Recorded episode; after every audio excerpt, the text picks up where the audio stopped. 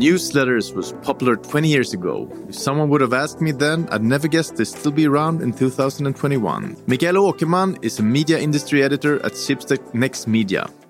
In this week's episode, she talks about the art of writing a successful newsletter. Michaela, welcome to Schibsted Talks. Thank you so much. How are you doing? I'm good, thank you. How are you? I am fine. So, we're going to talk about newsletters today. 20 years ago, newsletters were really hot.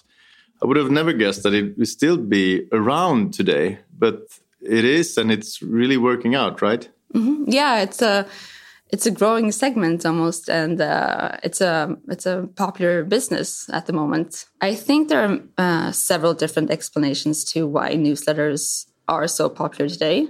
But one of them, I believe, is that there are just so many apps and websites uh, and social platforms that we're supposed to check every day that it becomes overwhelming. So I think there's a need for information to come to us rather than us seeking it out. Yeah. And newsletters can serve almost, you know, like a filter through the noise. And it's also a news flow that we control, can control in a sense that we can decide which newsletters we want to subscribe and unsubscribe to. And I think it gives people a sense of being in the the driver's seats. Yeah, the art of, of writing a successful newsletter. Then, I mean, uh, what's the most important things to think about? Um, I think a good newsletter should be quick and to the point. People want to get down to the core of what's important, and they don't want to waste time. Yeah. It doesn't necessarily mean that the newsletter has to be short, but it has to be, you know, easy to scan and browse through if you're very busy. It should also be, you know, relevant to the reader. You should deliver on your promise. Yeah. They should know what to expect from the newsletter. What, what's a, a good open rate, would you say? A good open rate, uh, I'd say, is uh, above the industry standard, and the industry which is which is uh, between fifteen and twenty five percent. Okay, uh, and it can differ between industries. I think within sports, it's a bit higher; it's closer to thirty. Yeah, but you know, there are some newsletters that are extremely popular. We have like, for example, the Morning Brew. I think has an open rate around fifty percent. The Morning Morning Brew. What's that? Uh, it's a super popular like business newsletter. Yeah. It was started just a few years ago by a couple guys in the States and it blew up. Uh, I think they have 3 million plus subscribers uh, or something like that. And it's become uh, a big business. And another example of a really big one is The Skimm, which yeah, yeah, yeah. is targeted towards women. Two, two, women started it, right? Yes. Um, and they have I believe, over 7 million subscribers today. Yeah. Uh, I'm personally not a fan of their style, uh, but I mean, they're doing something right for yeah. sure.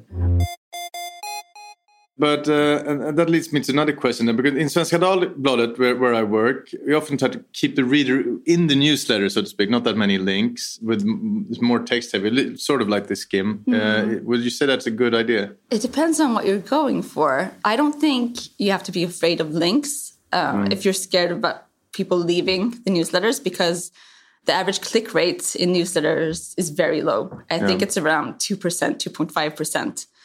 But uh, I believe links, again, give the reader a sense of, you know, being in control. They want the option to be able to click um, on something to dig deeper or go directly to the source. It's just a behavior that we've gotten used to on the internet today. So, um, you know, I would ask you, like, what's the reason for not using links? No, I would. I don't know. I'm not sure about this. No. I must say, you're the expert. Yeah, I think links are good. We actually, we, we have. Now I'm humble bragging, but we're producing two Svenska Dagbladet newsletters. One is uh, with wine, and one is just for SvD Perfect Guide. And we have 45% open rate, hmm. so that's good, right? Mm -hmm. That's a really good open rate. And one is with links, and one is without links. So and they have the same open rate. So I don't think it's a difference. No, but also for a brand like SvD who has you know a great source of its own journalistic content and you know produces original articles then maybe links aren't as important but a lot of newsletters today are more um, curators so yeah. they curate other news and then links is extremely important yeah. because you're sort of building your work on on uh, other people's content um, Yeah, or sure. around it at least. So I'd say it, it depends on the topic um, and the segment you're in.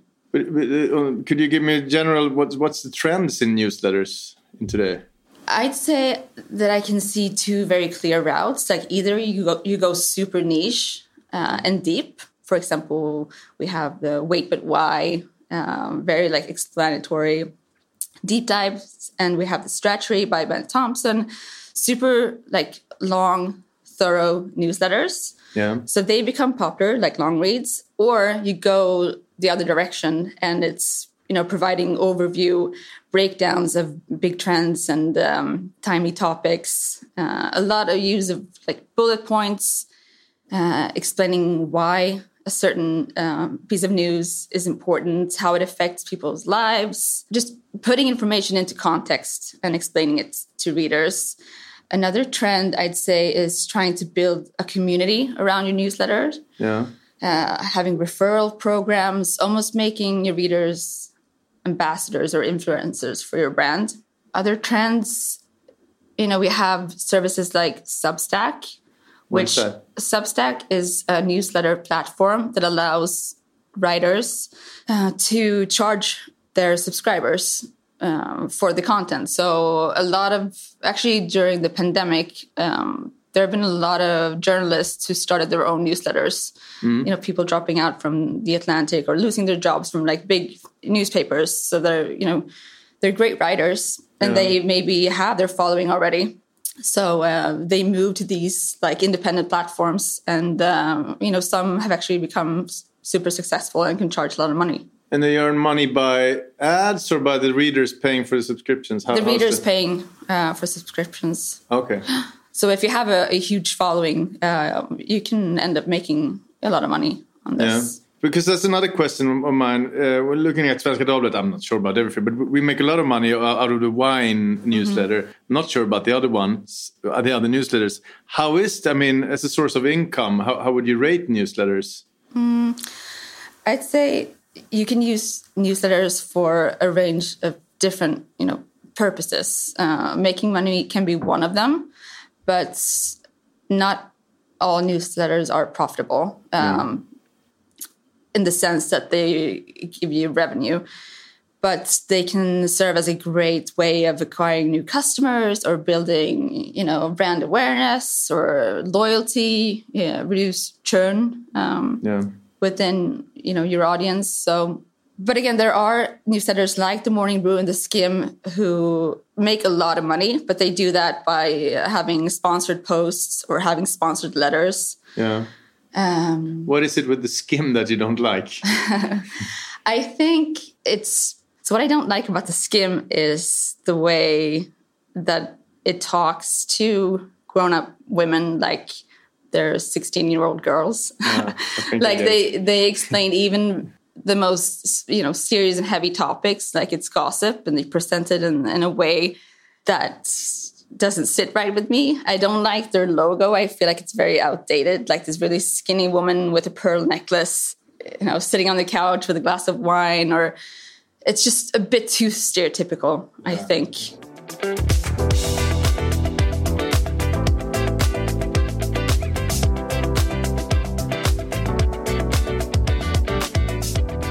So, uh, what sort of regularity should I have if I have a newsletter? And is it important that it comes out every day or every week? Yes, the frequency is important. And you can definitely send out a newsletter too often and too rarely. How many newsletters can you send out one week to someone? Again, I think it depends on the on the on the topic and the quality of the content. Uh, and maybe you can just look at your own behavior. Like, when do you feel like it's too much from a company? If it's a, a morning brief, of course, it should come daily. Yeah. Um, but if it's a, a deep dive into a topic, it can feel overwhelming uh, to, to handle every day. Yeah. I mean, I worked for companies where we sent out newsletters twice a day, but it was for a specific uh, industry. And um, for them, it can be interesting to stay up to date twice a day about what's going on. But yeah, I think it comes down to if the content is interesting enough. Yeah. In your team, how many newsletters do you write? We send out two newsletters a day. Which is that? They're called the Schibsted Daily and the Adevinta Daily. And it's um, I get the Schibsted Daily. It's very good. yeah, Schibsted Daily started a few years ago as an experiment, actually, um, and we wanted to test if we could do tailored industry newsletters for large companies. Yeah. So we wanted to help employees stay up to date with uh, what was going on within the company and the industries uh, that it operates in. Essentially, trying to help employees, uh, you know, perform better at work, help them innovate.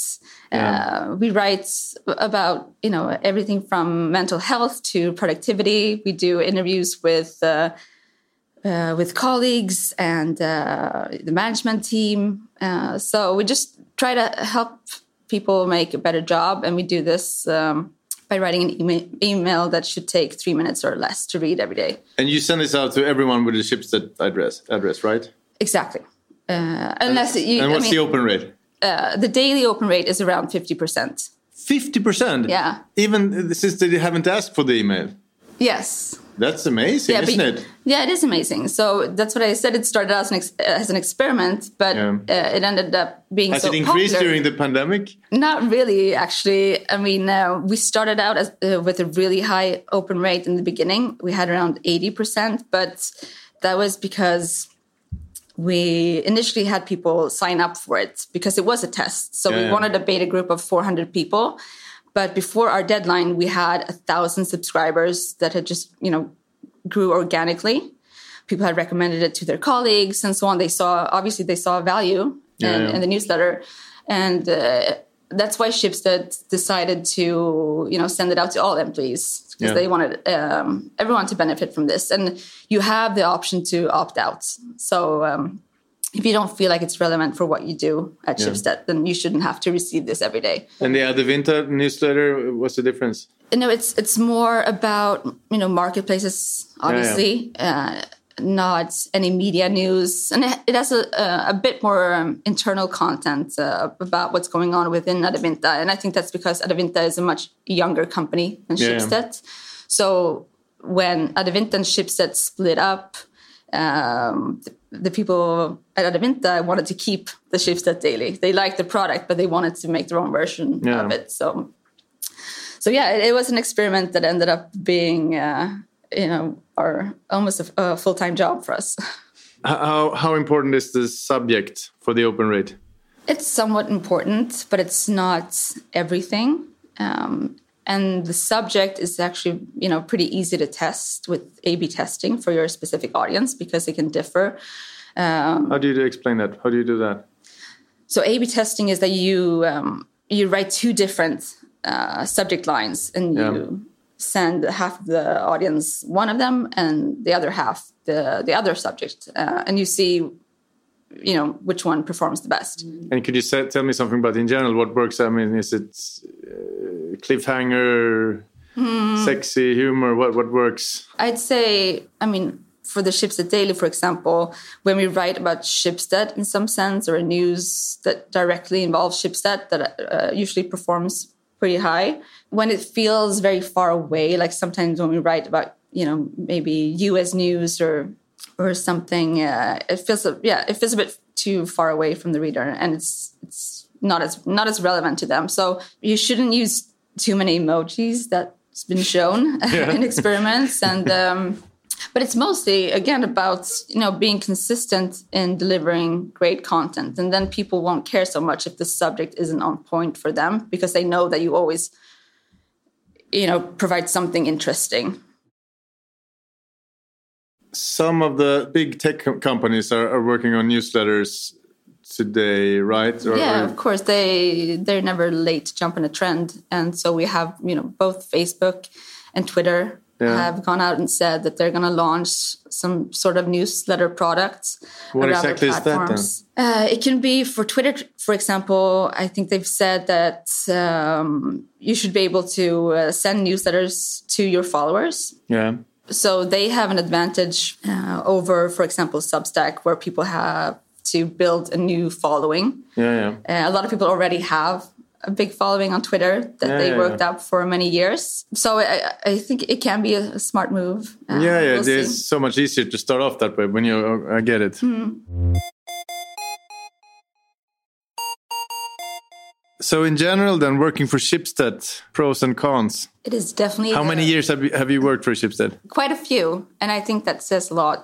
Um, you know i started out as an intern back in 2010 i worked as a news reporter for svd and uh, i stayed for a few years but then i actually left uh, not because i wasn't happy. It was my dream job. I had always dreamed about working for svd but i wanted to live abroad um, and i moved to California, and I uh, actually, with the help of Schibsted, I got a media visa, and I worked as a freelance correspondent from Silicon Valley and Los Angeles. And then when I moved back to Sweden a few years later, I was offered the position that I have today. And I immediately said yes because I'd really missed working for Schibsted. And again, I think it says a lot about Schibsted as a company. They weren't bitter over the fact that I left. Uh, They saw it as an opportunity for both me and them that I had gained some other kind of experience. Um, so I'm I'm happy to be back home Yeah. with Schibsted. and cons, I'd say the only thing I can think of is you know because we're such a you know big and well respected brand uh, with you know clear expectations from our users and readers it can be hard sometimes to feel like you have room to fail because you're very we have this history of these like huge successes and you feel like you need to present something groundbreaking almost. And of course we do things that you know don't work out Yeah. behind the scenes. But at the same time it's a good kind of pressure because it forces you to think big and you want to like you want to present something extraordinary. So the, the pandemic, then, how has it treated you? well i haven't been too affected because uh, i was at home either way on maternity leave. Um, but when i came back you know i had new team members that i've never met uh, and you know we speak to each other every day and we still haven't even gone for a walk. So we're gonna make sure we we get to see each other at least. You haven't seen them for a year, then? No no Oh my goodness. Um, but other than that, you know, working with newsletters, you have uh, a clear deadline. But I mean, I don't have to sit at the office. It's, but now, when I'm in a, a development uh, stage, where working on a new project, uh, then I miss being around my colleagues, like having workshops, being able to sit down, brainstorm. this and so working remote thing, I mean, it, it, it divides people. Some actually seem to love it. I hate it. Yeah. Uh, how would you like to work when you when it's all over and you come back from your second maternity leave? Yeah, I, I think I'd prefer a mix of being at the office and working from home. So I definitely would like to have a couple days a week where I can sit down with my colleagues and have meetings in real life. But when it comes to the actual writing, I prefer uh, sitting at home at my desk. And um, I'd say I'd, I'd like a, a mix of the two. Yeah, and I mean, congrats! You will for sure get what you want. Yeah, I hope You- so. Two years ago, you wouldn't. No. And I think it's interesting what Omni did. And they said that their writers were allowed to sit from wherever. They could sit in Bali if they wanted to, Yeah. or uh, as long as they were connected. And for me, who back in the day felt like I had to, you know, quit my job to live abroad, yeah. um, that could mean that I could maybe I could still work with what I love, but I could do it from wherever. Yeah. Great. Thank you so much for coming to Schibsted Talks. Yeah, of course. Thank you for having me. This podcast was brought to you by Schibsted Employee Branding Team. My name is Hugo Renberg. Producer was Jens Back.